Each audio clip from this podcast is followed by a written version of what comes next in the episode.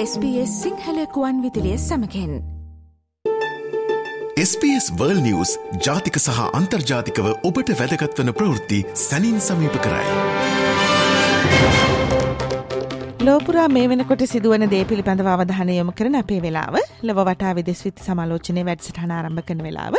අපි දන්නවා සමස්ත ලෝකයේ මවධානය ඊශ්‍රායිල පලස්තීන මේ යුද ගැටුම්කාරී වාතාවරණයට යොමු වෙලා තියෙන අතරතුරේදී ලෝකයේ අනෙකුත් කලාපවලත් තවත් බොහෝ දෑ සිදුවෙමින් තියෙනවා.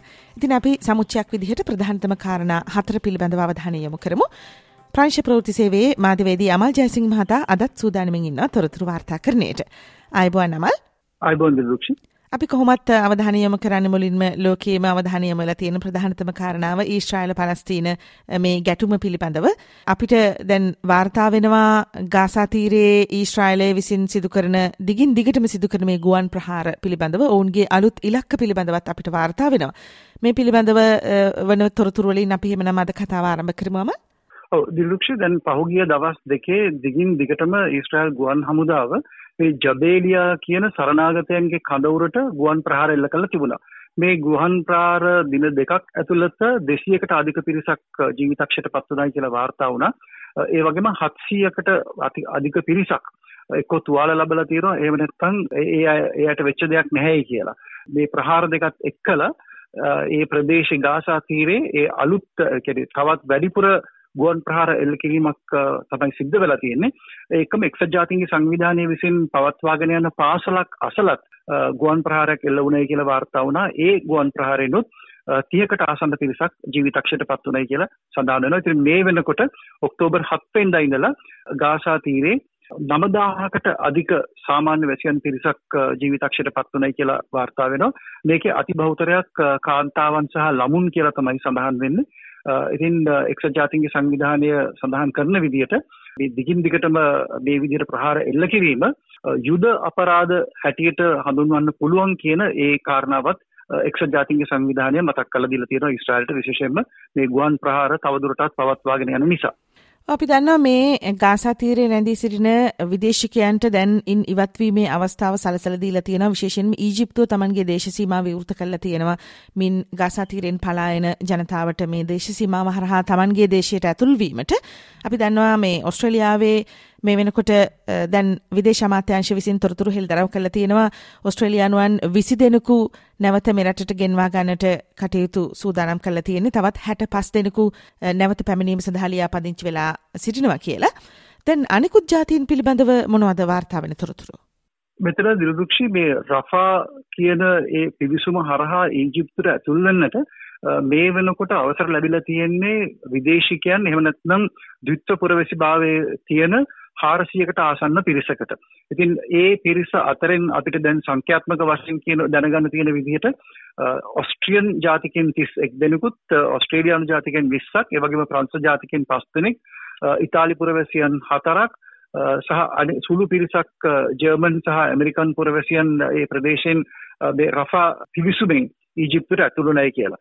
ඊට අමතරව ගාසා තීරයේ පදිංචිකරුවන් ඔවුන්ට ඒමට ඉඩ සැලසීම සඳහා සාකච්ඡාත් පවත්වනවයි කියලා සඳහන් වෙනවා. නමුත් මේ අවස්ථාව වෙනකොට විදේශිකයන්ට පමණයි මේ පිවිසුමෙන් ඊජිප්ත ඊජිප්තුවට ඇතුල් වෙන්න ඉඩකඩ සලස්සලා තියෙන්නේ. දැඟමල් අපි ඔය කතා බහ කළේ විදේශිකයන් පිළිබඳවනේ මේ ගාසා තීරයේ රැඳී සිටින ඔවුන්ව ඉවත් කරලීමේ ක්‍රියාවලිය පිළිබඳවනේ. එතකොට ගාසා තීරයේ රැඳී සිටින පලස්තීන ජාතිකයන්ට සාමාන්‍ය ජනතාවට ඉවත් වීමේ පහසුකම් සලසලා නැද්ද මේ වෙනකොට?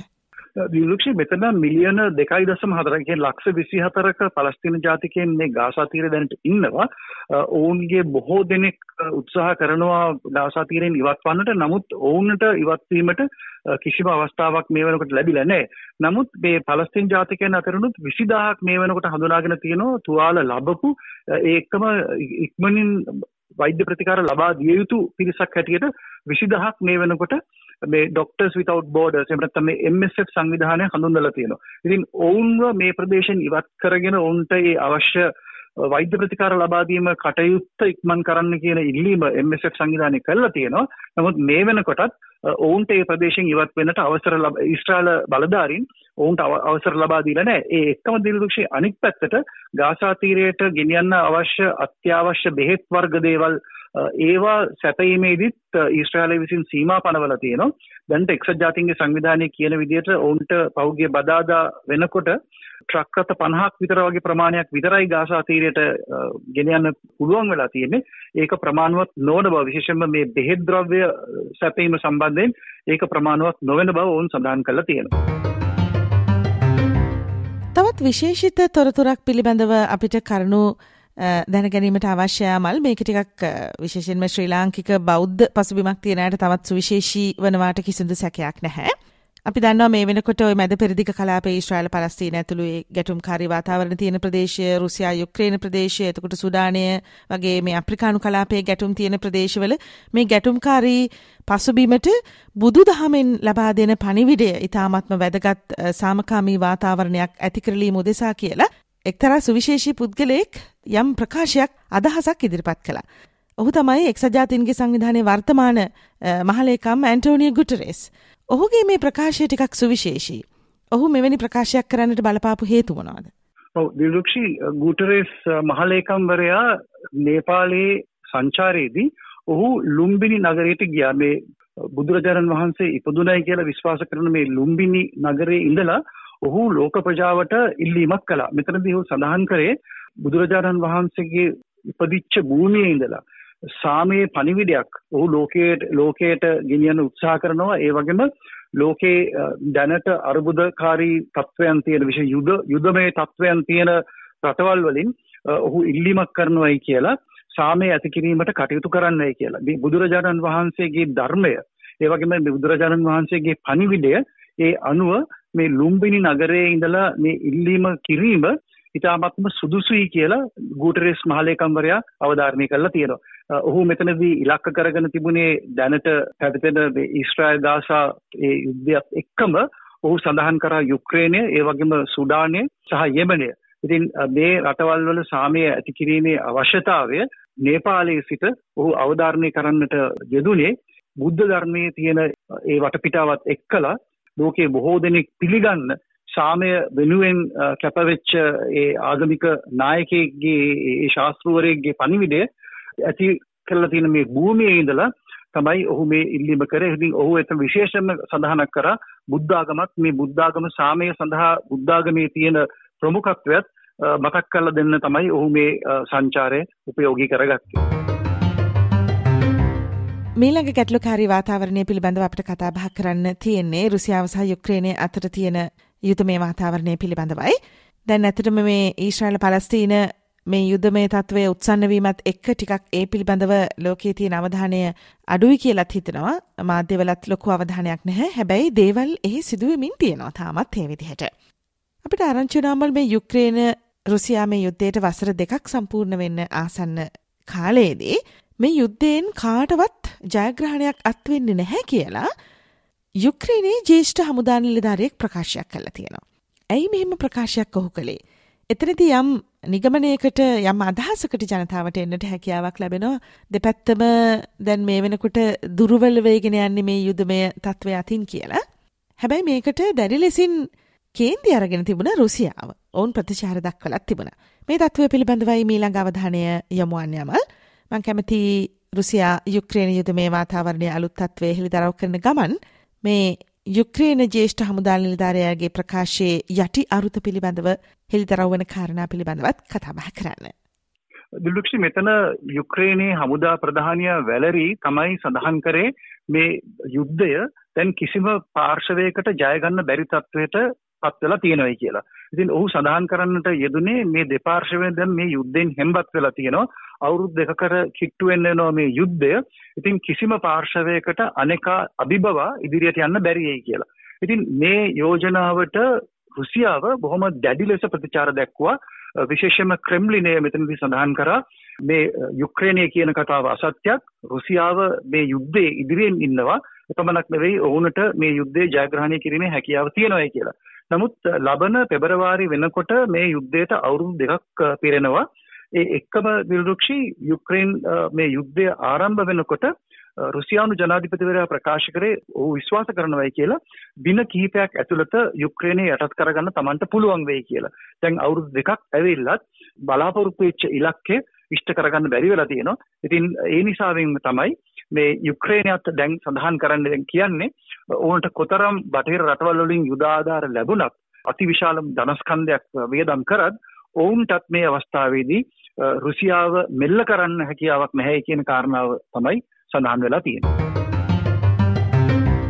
අපි අද අවසාන අවධානය යමුවන්නේ ඇෆ්ගනිස්ථානය සහ පාකිස්ථානය පිළිබඳවයි.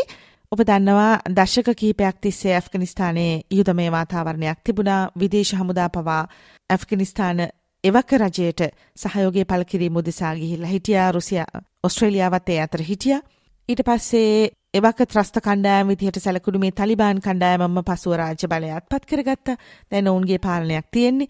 ඔවුන් දැඩි සීමා කිරීම් වලට යටත්ව තමයි ජනතාව පාලනය කරගෙන යන්නේ. ඔබ අන්තර්ජාතික ප්‍රවෘත්ති විමසීමේදී මේ පිළිබඳව දකින්න විශේෂයෙන්ම කාන්තාවන් සම්බන්ධව වුන් දැඩි ප්‍රතිපත්ති අනුගමනය කරගෙන යනවා.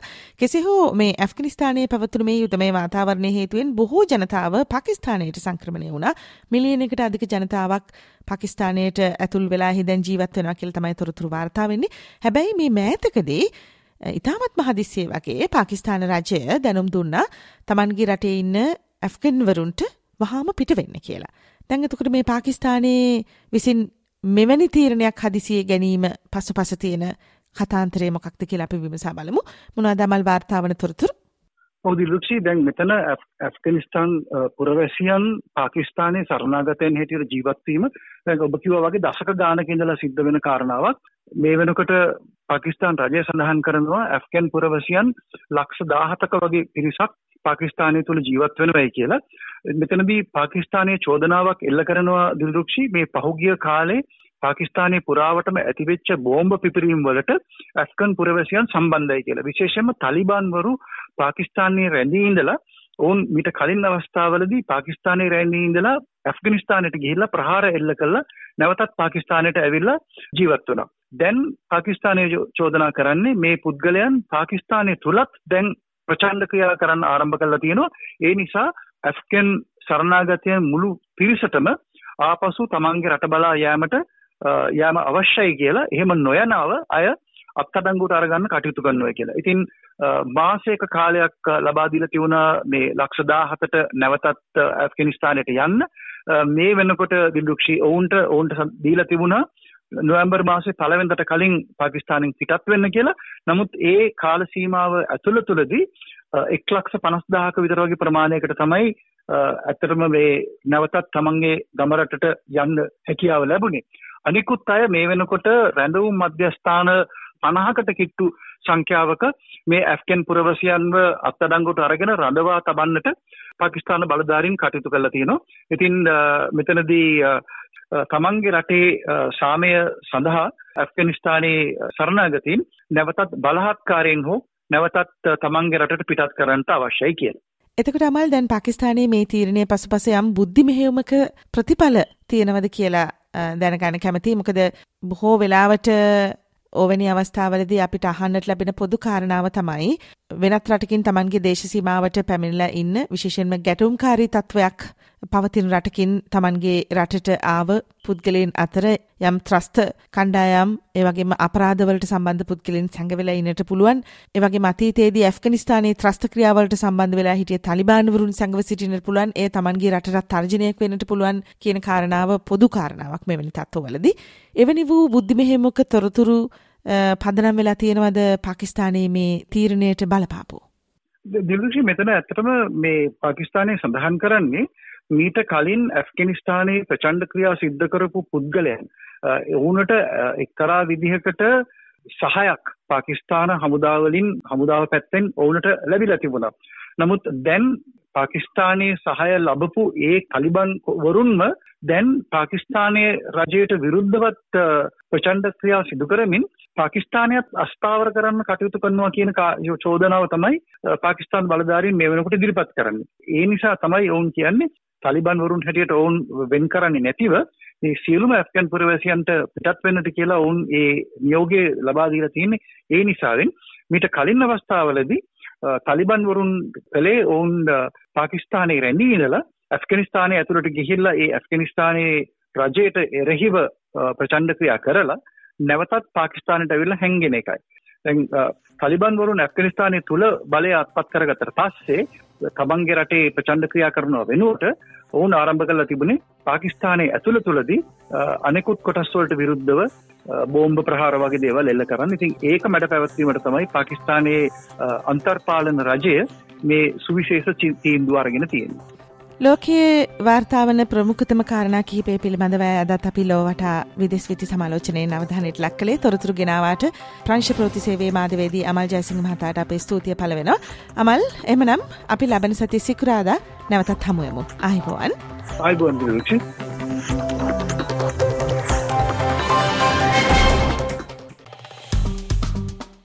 ලයි කරන්න ෂයා කරන්න අදහස් ප්‍රකාශ කරන්න SBS සිංහල ෆස්බුක් පිටුව ෆලෝ කරන්න.